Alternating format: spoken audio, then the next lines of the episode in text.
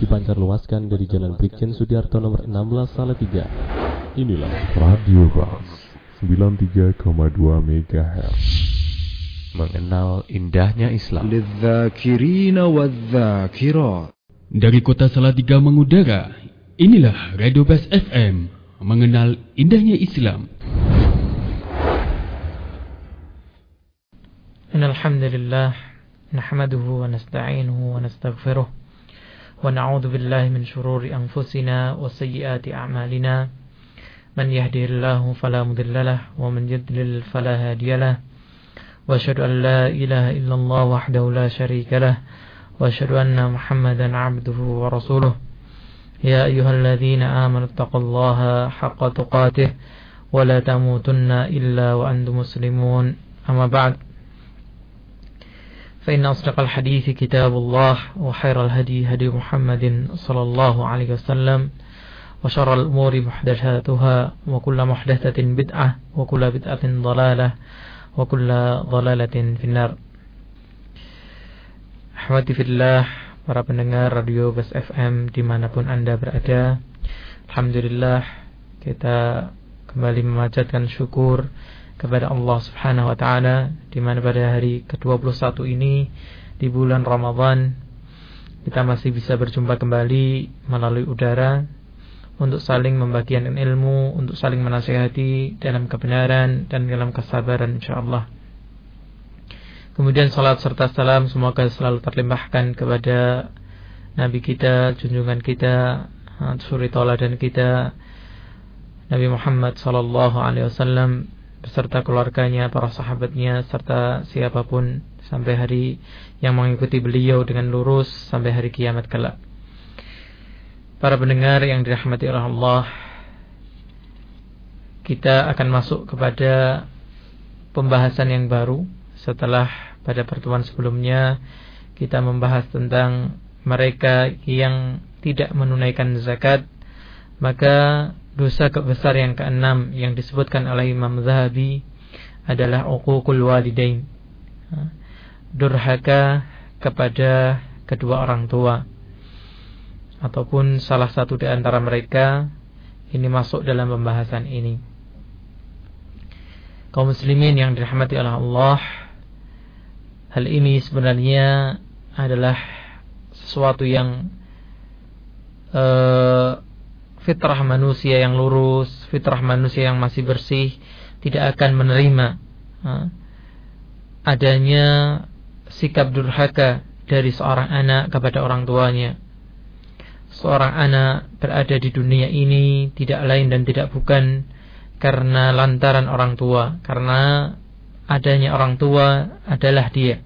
Nah, kemudian tumbuhnya dia sejak kecil, sejak tidak bisa apa-apa, kemudian bisa nah, merangkak, berjalan, berbicara, berlari, nah, sampai kemudian dia menjadi manusia seutuhnya, semuanya tidak lepas sedikit maupun banyak dari peran orang tua.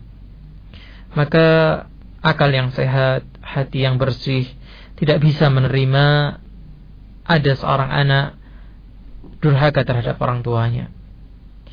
Tetapi ketika kita menengok kepada realita, ternyata ini masih terjadi dan terus terjadi. Bahkan atau lebih-lebih di zaman kita ini di mana banyak di antara orang tua yang telah lepas kendali atau kehilangan kendali terhadap anak-anaknya.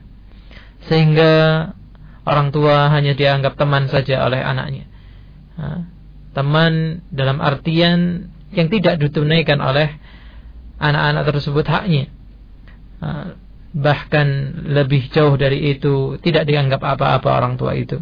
Sehingga dihinakan, sehingga didurhakai, bahkan kita mendapati pada berita-berita orang tua yang disakiti bahkan sampai dibunuh oleh orang oleh anak-anaknya. Na'udzubillah min.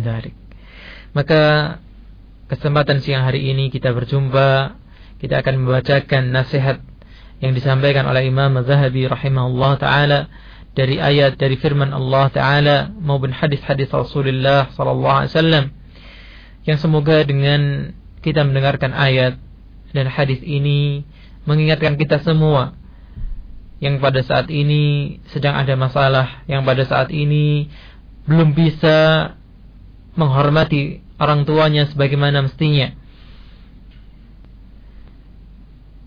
Dan mengembalikan kita kepada semangat untuk berbakti kepada orang tua, untuk memuliakan mereka dan menempatkan mereka pada tempatnya. Para pendengar yang dirahmati oleh Allah, Imam Zahabi memulai dengan firman Allah Ta'ala di dalam surat Al-Isra ayat 23 sampai 24 Allah Subhanahu wa taala berfirman wa rabbuka dan Rabbmu dan Tuhan kalian dan Tuhanmu telah menetapkan telah mewajibkan alla ta'budu illa iyyah janganlah kalian menyembah kecuali kepadanya. Wabil walidaini ihsana. Dan ini penggalan yang kedua dari perintah Allah Subhanahu wa taala dari ketetapan Allah Subhanahu wa taala dalam surat Al-Isra ini yang berkaitan langsung dengan pembahasan kita. Yaitu ketika Allah Subhanahu wa taala menyatakan wabil walidaini ihsana dan terhadap kedua orang tua kalian berbuatlah yang baik. Allah Subhanahu wa taala memberikan suatu realita, memberikan suatu gambaran yang sering terjadi pada kehidupan manusia yang sangat berat seorang anak menghadapinya. Apa itu? Imma yablughanna 'indaka al-kibaru ahaduhuma aw kilahuma yaitu ketika seorang anak atau ketika anak-anak mendapati kedua orang tuanya atau salah satu mereka dari mereka berusia lanjut di mana usia lanjut ini memang sebuah ujian, memang sebuah cobaan. Lebih-lebih ketika usia lanjut ini tidak diawali tidak dilatar belakangi oleh sebelumnya dengan amal ibadah yang baik tidak dilatar belakangi ilmu-ilmu yang bermanfaat maka usia yang lanjut bagi orang tua sebuah cobaan besar bagi anak-anaknya Kenapa? Karena pada usia ini manusia kembali kepada masa kanak-kanaknya. Menjadi suka diperhatikan, menjadi kekanak-kanakan, dan secara fisik juga kembali menjadi lemah. Maka sebuah ujian berat bagi seorang anak yang harus menghadapi orang tua tapi dalam pemikiran tapi dalam tingkah laku seperti anak-anak. Maka dalam kondisi yang seperti ini Allah mengatakan Allah berfirman fala takul uffin maka jangan sekali-kali kalian mengatakan kepada keduanya, "Uff, ah, cih, uh."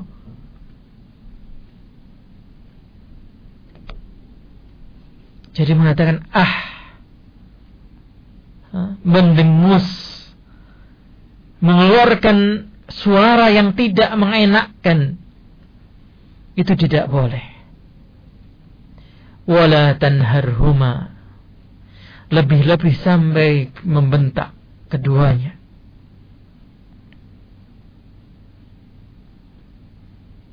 Wa kullahuma qawlan karima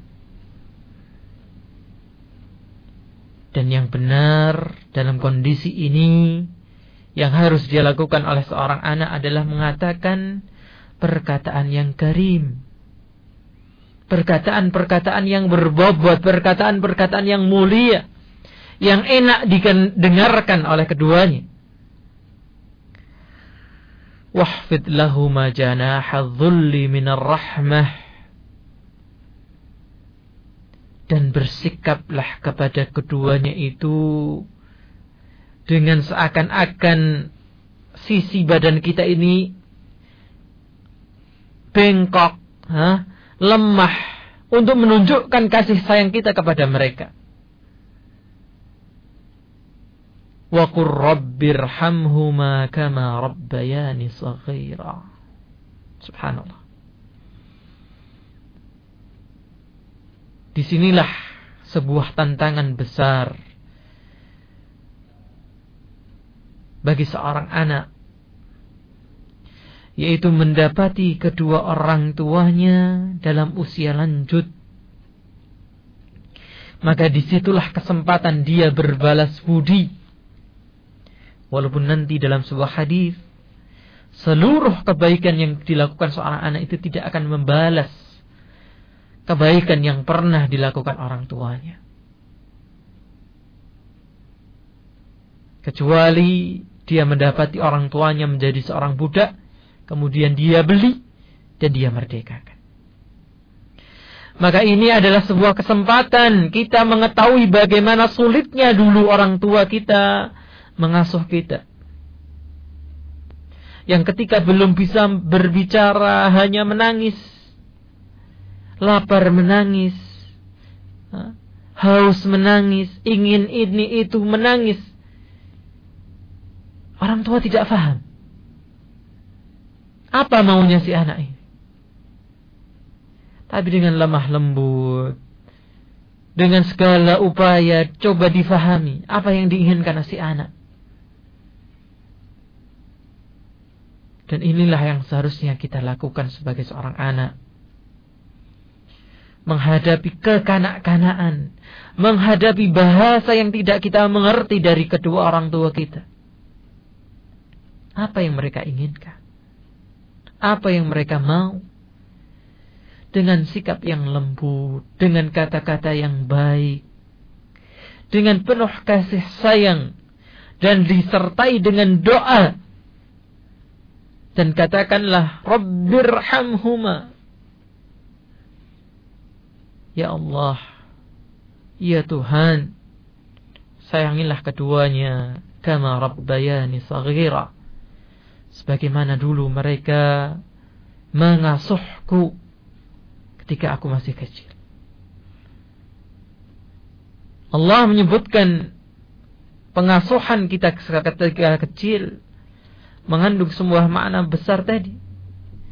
Ketika kita kecil, masa-masa yang sulit. Bagaimana orang tua harus menahan diri dari bau kotoran anaknya mencebokinya, membersihkannya, menahan dari segala macam kejijikan, menahan dari segala macam rasa emosi, marah, menahan dari segala macam rasa capek, bangun di tengah malam, lebih-lebih ketika si anak sakit, semalaman tidak tidur, seharian tidak diam, bagi kita yang sudah punya anak kecil bisa merasakan bagaimana beratnya. Nah itulah yang dulu pernah dirasakan orang tua kita ketika membesarkan kita. Maka inilah saatnya untuk berbalas budi. Inilah saatnya untuk berbakti. Maka Allah melarang untuk kita mengeluh. Bahkan hanya sekedar mengeluarkan suara yang tidak enak. Lebih-lebih membentak, mengherdik, mencelakai keduanya.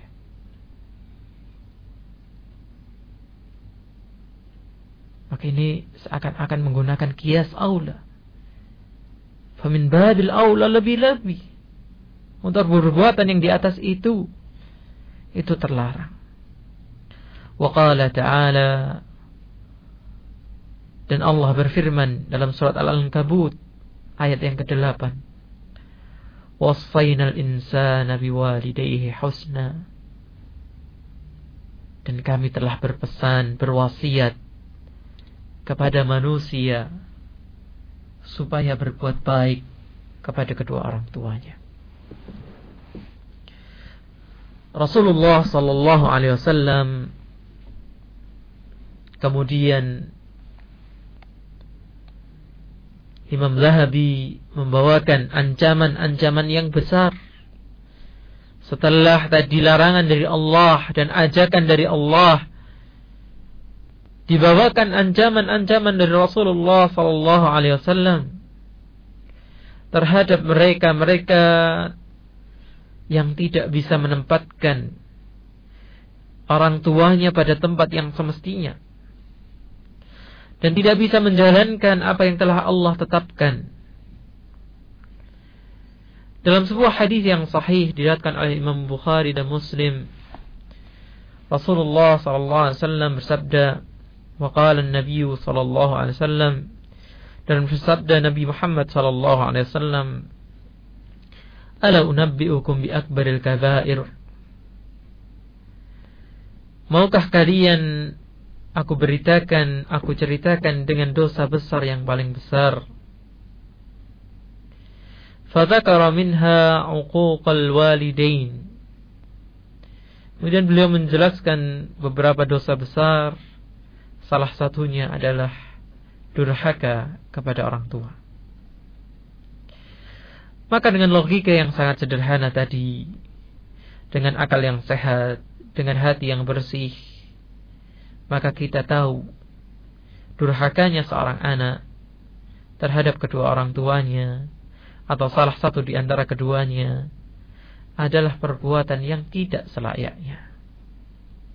Maka ternyata Islam menempatkannya sebagai sebuah dosa yang besar.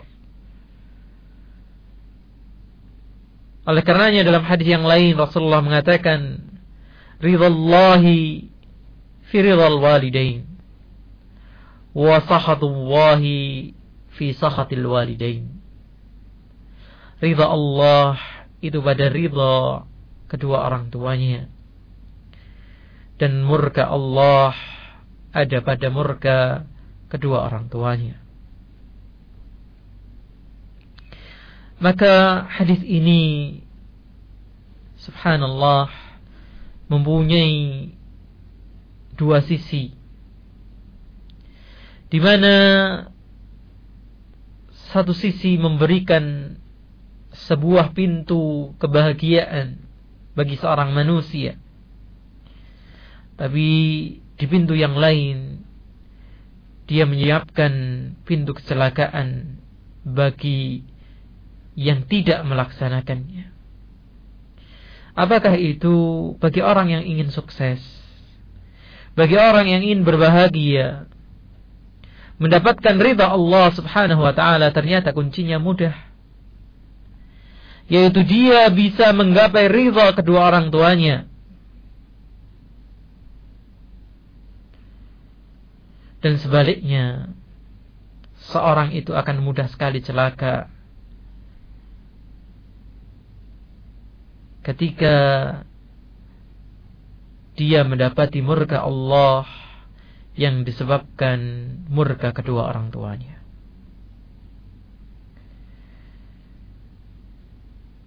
Maka dalam kehidupan nyata dalam keseharian kita kita bisa melihat orang-orang besar, orang-orang yang sukses adalah orang-orang yang begitu dekat.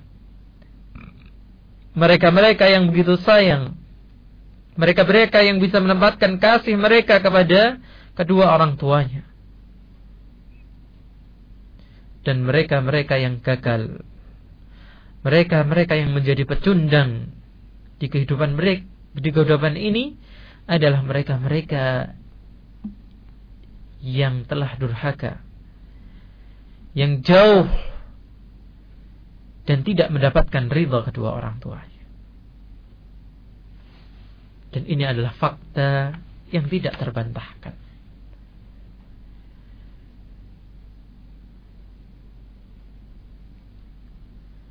Dalam hadis yang lain yang disahihkan Imam At-Tirmidzi Rasulullah SAW mengatakan al-walidu. Orang tua adalah awsatu abwabil jannah. Merupakan pintu surga yang tengah. Fa in syi'ta fahfaz.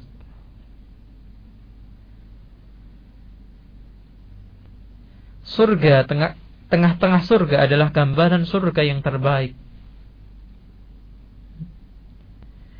Maka kalau kita ingin mendapatkan pintu surga yang terbaik ini, kata Rasulullah, ya jagalah kedua orang tuamu. Wa in syi'ta. Kalau kita nggak mau ya sudah. Sia-siakanlah. Dan tidak ada orang yang berakal yang tidak menginginkan surga Allah Subhanahu wa taala.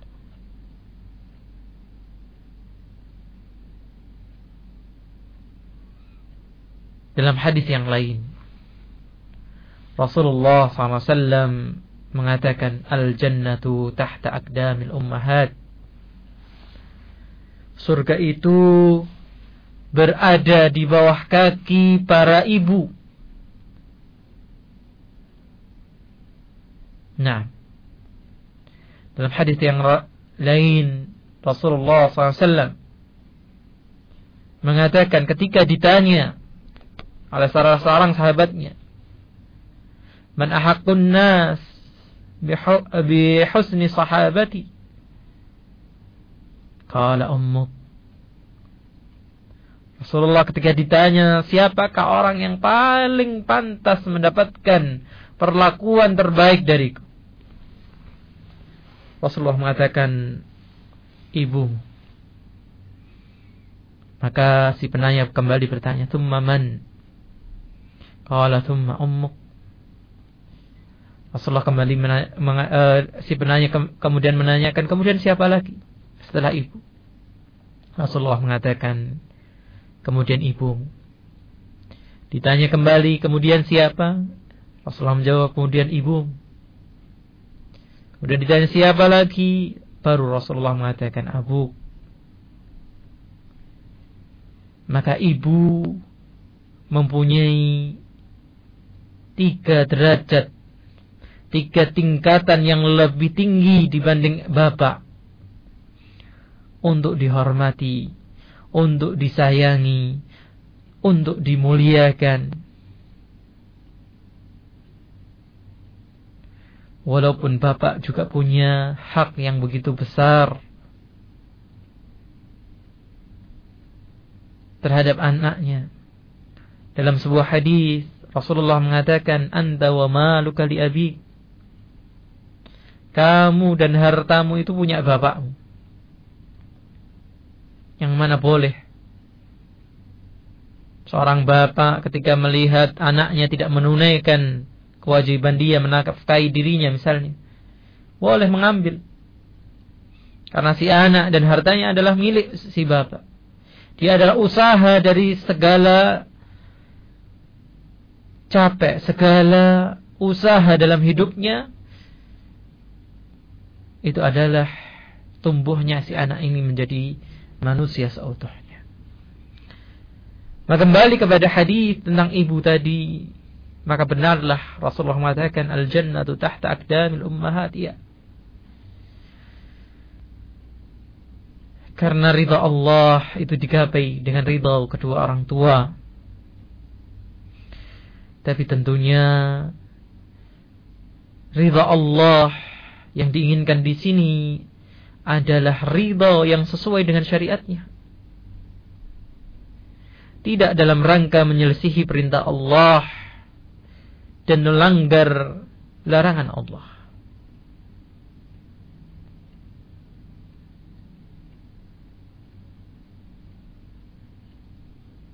Maka dalam ayat yang lain Allah merintahkan kepada mereka-mereka yang mendapati kedua orang tuanya dalam agama yang lain, dalam akidah yang berbeda, untuk tetap memperlakukan kedua orang tuanya dalam urusan dunia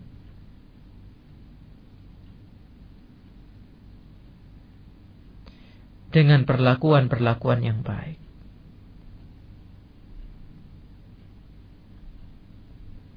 Kita lanjutkan apa yang disampaikan oleh Imam Zahabi di sini. Kemudian Imam Zahabi membawakan sebuah kisah. Waqala sallallahu alaihi wasallam dan Rasulullah SAW bersabda kepada seorang yang datang untuk meminta izin berangkat jihad bersama beliau. Maka Rasulullah mengatakan kepada orang yang ingin berjihad, Ahayyun walidak Apakah kedua orang tuamu masih hidup? Maka dia menjawab, Naam. Maka Rasulullah mengatakan, Fafihima fajahid. Maka pada keduanya lah berjuanglah kamu. Subhanallah. Jihad sebagai satu amalan yang besar merupakan puncak dari amalan-amalan seorang manusia. Rasulullah SAW dalam sebuah hadis mengatakan Rasul Amri al-Islam. Kepala dari segala urusan ini adalah Islam. Wa amuduhu as-salah dan tiangnya adalah salat wa dhirwatu sanamihi as-salah dan puncak dari atapnya adalah uh, afan al-jihad dan puncak dari bangunan Islam adalah al-jihad maka ternyata pada momen tertentu di mana jihad jihad fardu kifayah pada saat itu. Karena kalau jihadnya fardu ain, maka tentunya jihad lebih utama dibandingkan berbakti kepada orang tua. Tapi yang dimaksudkan di sini sebagaimana diterangkan oleh para ulama, jihadnya adalah jihad fardu kifayah. maka berbakti kepada orang tua lebih utama.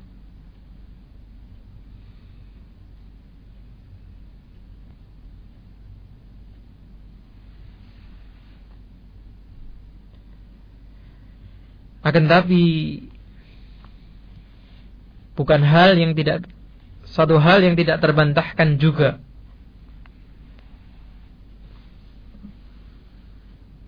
Bahwasanya tidak mudah. Walaupun ayat dan hadis yang kita dengarkan tadi adalah suatu yang sering. Bahkan kebanyakan kita sudah menghafalkannya bukan hal yang asing. Tapi yang berat adalah mengamalkannya.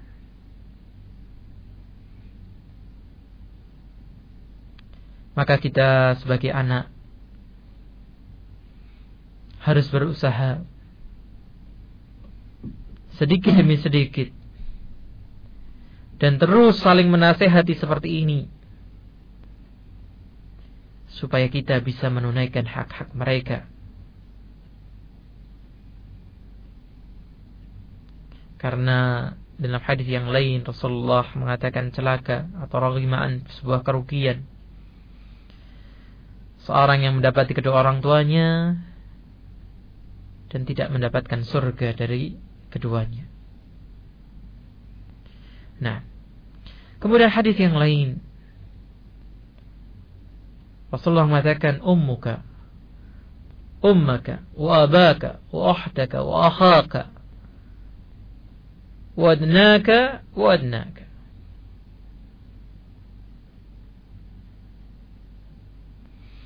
yaitu seseorang itu yang pertama kali dihormati adalah ibunya, bapaknya, saudara perempuannya, saudara laki-lakinya. Kemudian terus orang yang paling dekat.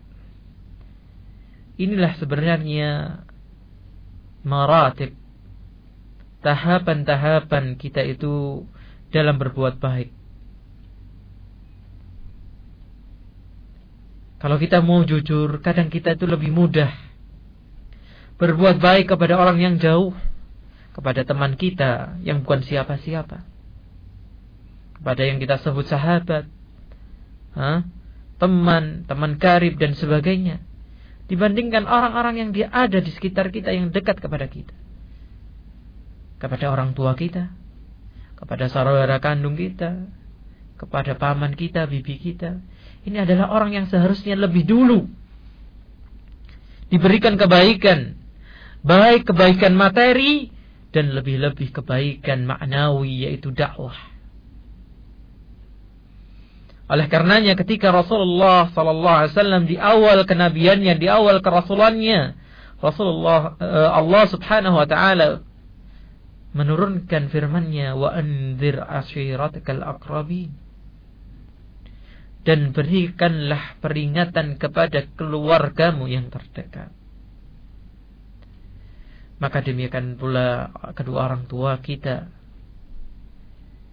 Salah satu bentuk berbaktinya kita kepada mereka adalah kita berusaha mengajak kepada kedua orang tua kita itu kembali kepada jalan-jalan yang lurus.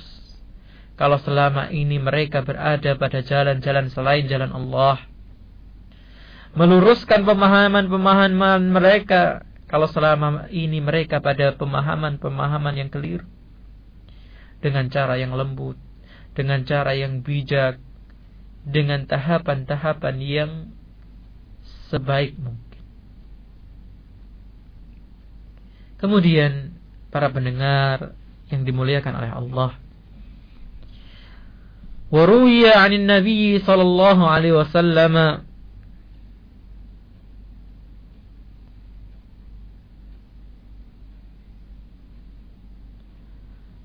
Diriwayatkan dari Nabi SAW bahwasanya la yadkhulul jannah aqun tidak akan masuk surga orang yang berdur, berbuat durhaka kepada kedua orang tuanya. Wala mannan tidak pula orang yang mengungkit-ungkit pemberian. Wala mudminul khamrin tidak pula orang yang kecanduan khamr. Wala mu'minun bisihrin tidak pula orang yang membenarkan sihir. Waqala Abdullah. Kemudian bercerita Abdullah bin Mas'ud. Ja'a Arabiyun. Faqala ya Rasulullah. Pada suatu hari datang seorang badui. Kemudian dia berkata, Ya Rasulullah, wahai Rasulullah, mal kabair. Apakah dosa-dosa besar itu? Maka kemudian Rasulullah mulai menyebutkan Qala al-isyraqu billah. Yang pertama mensekutukan Allah. Qala thumma madza? Kemudian dia bertanya kembali, kemudian apa lagi? Qala thumma uququl walidain. Ternyata yang berikutnya adalah durhaka kepada kedua orang tua maka ini adalah sebuah ungkapan yang tepat kalau kita kembali kepada ayat yang pertama kali kita baca tadi. Ketika Allah Subhanahu wa taala menempatkan kewajiban kedua, menyandingkan kewajiban kedua setelah kewajiban beribadah kepadanya, wa qadha rabbuka alla ta'budu illa iyyah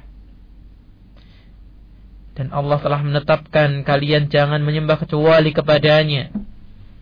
Wabil walidaini ihsana. Disandingkan. Ini menunjukkan besarnya kewajiban kita. Karena setelah kewajiban kita kepada Allah langsung. Kewajiban yang pertama adalah berbakti kepada orang tua. Maka sebaliknya Durhaka yang terbesar adalah durhaka terhadap Allah.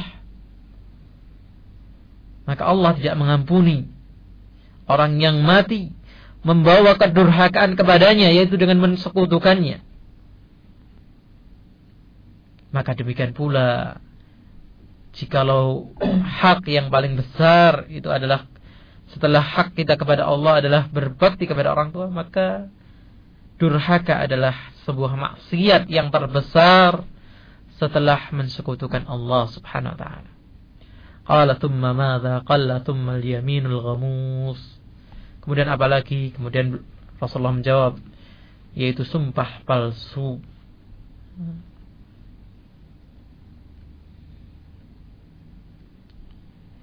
Dalam riwayat yang lain yang semakna dengan hadis yang sebelumnya, la yadkhulul jannah aqun. Tidak akan masuk surga orang yang durhaka kepada orang tuanya.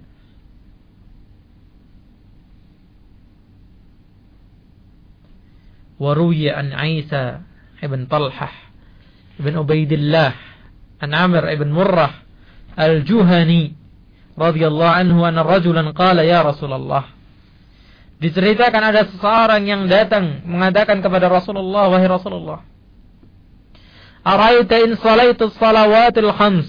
Apa pendapatmu? Kalau aku itu sudah salat lima waktu. Wasumtu Ramadan. Aku kemudian juga puasa Ramadan.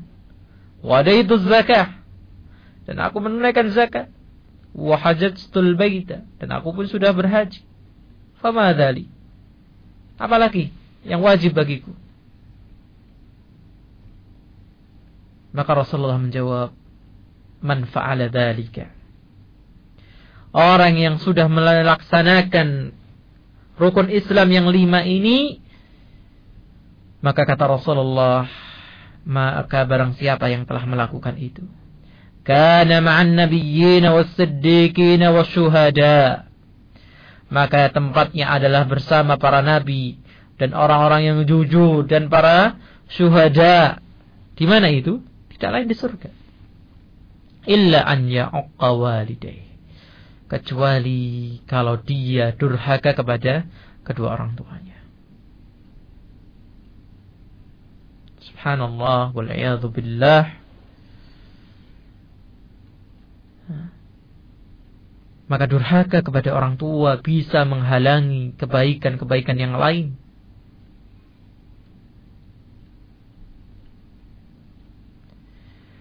Kemudian wa an Bakkar bin Abdul Aziz bin Abi Bakrah qala haddatsana Abi an Abi Bakrah marfu'an Kullu dhunubi yuakhiru Allah yuakhiru Allah minha ma syaa ila yaumil qiyamah illa uquqal walidain fa innahu yu'ajjalu li sahibihi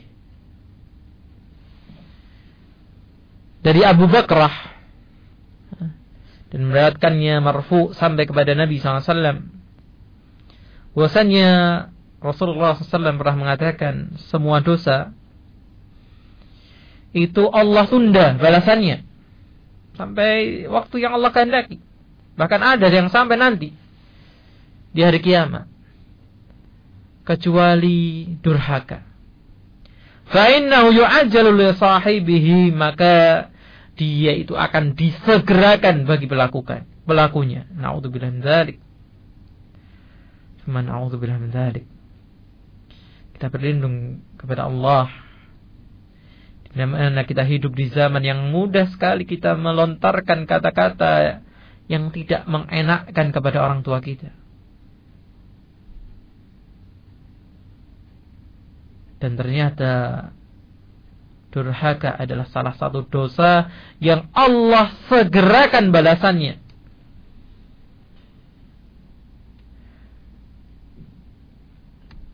Maka kita dapati mereka-mereka yang mendapatkan kehinaan, mendapatkan kecelakaan, mendapatkan kesengsaraan dalam hidupnya, padahal kurang apa menurut dia. Maka kalau kita runtut ternyata mereka mereka adalah orang-orang yang durhaka. Durhaka kepada orang tuanya. Kemudian hadis berikutnya yang tadi saya sebutkan hadis yang sahih diatkan oleh Imam Muslim. La yajzi la yajzi waladun walidah. La yajzi waladun waladan. Oh, uh, afan la yajzi waladun walidan. Illa an yazidahu mamlukan fayashtarihi fayatiqahu atau fayu'tiqahu Tidak mungkin seorang anak itu bisa membalas kebaikan kedua orang tuanya. Kecuali dia mendapatinya dalam kondisi menjadi budak. Fayashtarihi kemudian dia beli orang tuanya itu. Kemudian dia merdekakan. Nah, maka kalau kita cocokkan dengan kenyataan kita pada hari ini, maka kita nggak bisa. Karena tidak ada perbudakan pada hari ini. Maka tidak ada jalan yang lain kecuali kita berusaha dan terus berusaha memperbaiki muamalah kita kepada kedua orang tua kita. Supaya paling tidak kita telah melaksanakan hak mereka. Walaupun belum bisa membalasi apa yang pernah mereka lakukan terhadap kita.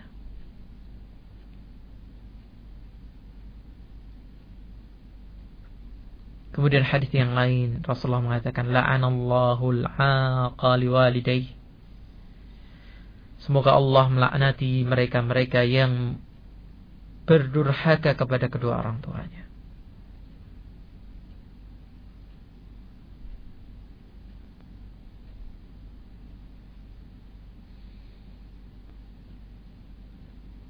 Kemudian hadis yang terakhir sebelum nanti ada beberapa asar yang disebutkan di sini. Wa al-khalatu bi manzilatil um sahahul tirmidhi.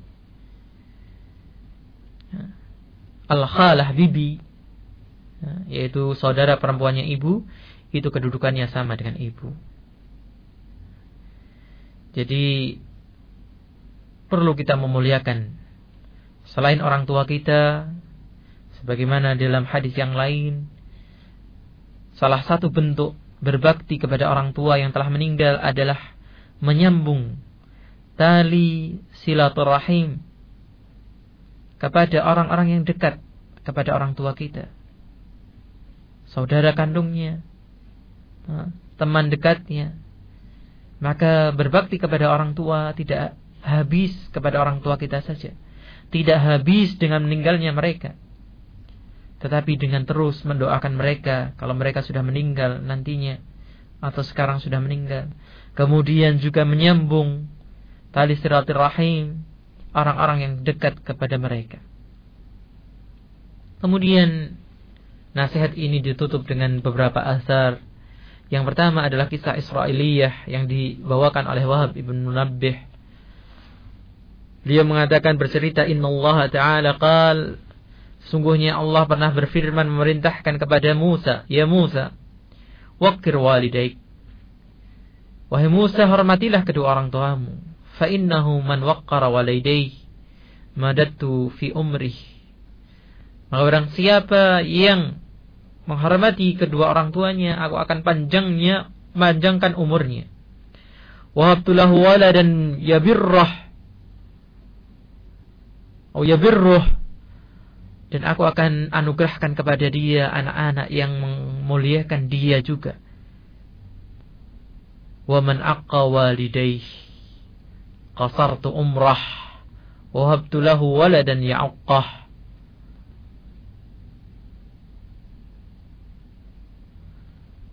Dan barang siapa durhaka kepada kedua orang tuanya, aku akan pendekkan umurnya dan aku akan berikan kepada dia anak-anak yang mendurhakai dia. Maka kalau kita lihat sepintas riwayat ini maka tidak bertentangan dengan hadis-hadis yang pernah kita baca tadi. Panjang dan pendeknya umur bisa berarti yang sebenarnya. Atau bisa berarti dalam barakah yang kita dapati dalam umur kita Kemudian anak-anak yang baik ataupun anak-anak yang durhaka itu adalah juga amal kita. Karena Allah akan mensegerakan tadi balasan bagi mereka yang durhaka terhadap kedua orang tuanya. Na'udzubillah dari. Maka nasihat bagi kita semua kalau kita mendapati sulit mengasuh anak kita, anak kita tidak baik dan sebagainya, coba introspeksi diri bagaimana kita dulu bersikap terhadap kedua orang tua kita. Kemudian berqala Ka'ab dan berkata Ka'ab bin Malik, "Walladhi nafsi biyadih." Dan demi jiwa ya, dan demi yang jiwaku di tangannya. Inna Allah la yu'ajjilu hina hina al-'abdi idza kana 'aqan liwalidayhi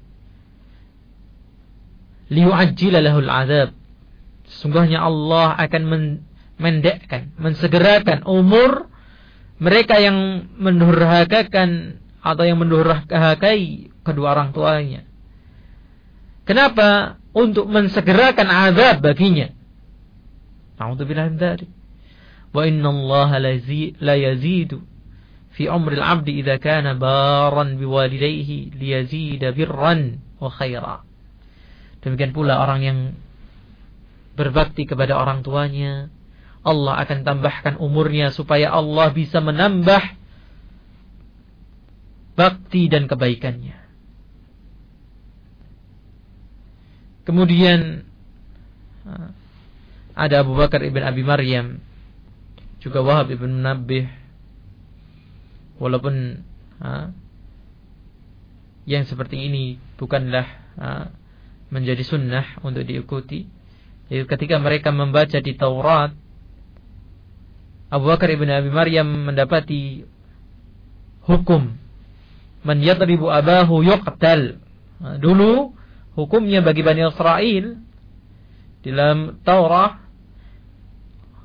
yang memukul orang tuanya itu dibunuh. Demikianlah Wahab bin Munabbi ketika membaca di Taurat man sakka walidah rujim. ala man sakka walidahu ar-rajmu. Bagi orang yang menempeleng orang tuanya itu akan dirajam. Nah, tapi ini syariat ini adalah syariat kaum sebelum kita, tidak berlaku bagi uh, apa umat Islam karena bertentangan tidak ada hukum seperti ini dalam Islam. Allah alam Imam Zahabi membawakan hanya sebagai penegas tentang betapa pentingnya kita berbakti kepada kedua orang tua dan betapa beratnya hukuman mereka-mereka yang durhaka kepada kedua orang tuanya. Wallahu taala alam karena terbatasnya waktu mungkin kita tidak bisa menjawab pertanyaan-pertanyaan yang masuk untuk hari ini. E, langsung saja saya simpulkan. Jadi orang tua adalah perantara kepada keadaan kita di dunia ini. Maka dalam sebuah hadis yang sahih Rasulullah mengatakan la yashkurullah man la yashkurin nas. Tidak dikatakan orang itu mensyukuri Allah kalau tidak bisa mensyukuri manusia. Maka kalau kita ingin mengungkapkan syukur kita kepada Allah Subhanahu wa taala atas segala kenikmatan yang diberikan, salah satunya kita mensyukuri kedua orang tua kita, berbakti kepadanya. Dan menjauhkan kata-kata yang tidak enak lebih-lebih ketika ketika ketika kita mendapati mereka telah berusia lanjut. Ini adalah sebuah cobaan berat bagi kita semua. Maka semoga Allah memudahkan kita semua menjadi anak-anak yang berbakti kepada orang tua kita. Dan memudahkan kita untuk segera bertaubat. Dan meminta ampun kepada Allah dan kedua orang tua kita. Atas apa yang atas kehilafan, kealpaan, sengaja maupun tidak sengaja perbuatan-perbuatan buruk dan dosa yang pernah kita lakukan kepada orang tua kita. Tidak perlu menunggu pekan depan. Dan menunggu lebaran nggak perlu. Sekarang langsung setiap kali kita ingat kita pernah berbuat salah. Setiap kali kita berbuat salah segera dan segera kita bertaubat kepada Allah dan meminta maaf kepada kedua orang tua kita. Semoga Allah menjadikan kita mudah dalam menjalankan syariat-syariatnya dan menambahkan kebaikan kepada kita semua. Wallahu taala alam subhanakallahumma wa bihamdika asyhadu an la ilaha illa anta astaghfiruka wa atubu ilaik. Assalamualaikum warahmatullahi wabarakatuh. Waalaikumsalam warahmatullahi wabarakatuh dipancar luaskan dari Jalan Brigjen Sudiarto nomor 16 Salatiga. Inilah Radio Bas 93,2 MHz. mengenal indahnya Islam. Terima kasih baru saja anda menyimak siaran kami di gelombang 93.2 FM Radio Bas mengenal indahnya Islam. Semoga menambah kemanfaatan bagi anda dan keluarga. Dari Kota Salatiga mengudara, inilah Radio Bas FM mengenal indahnya Islam.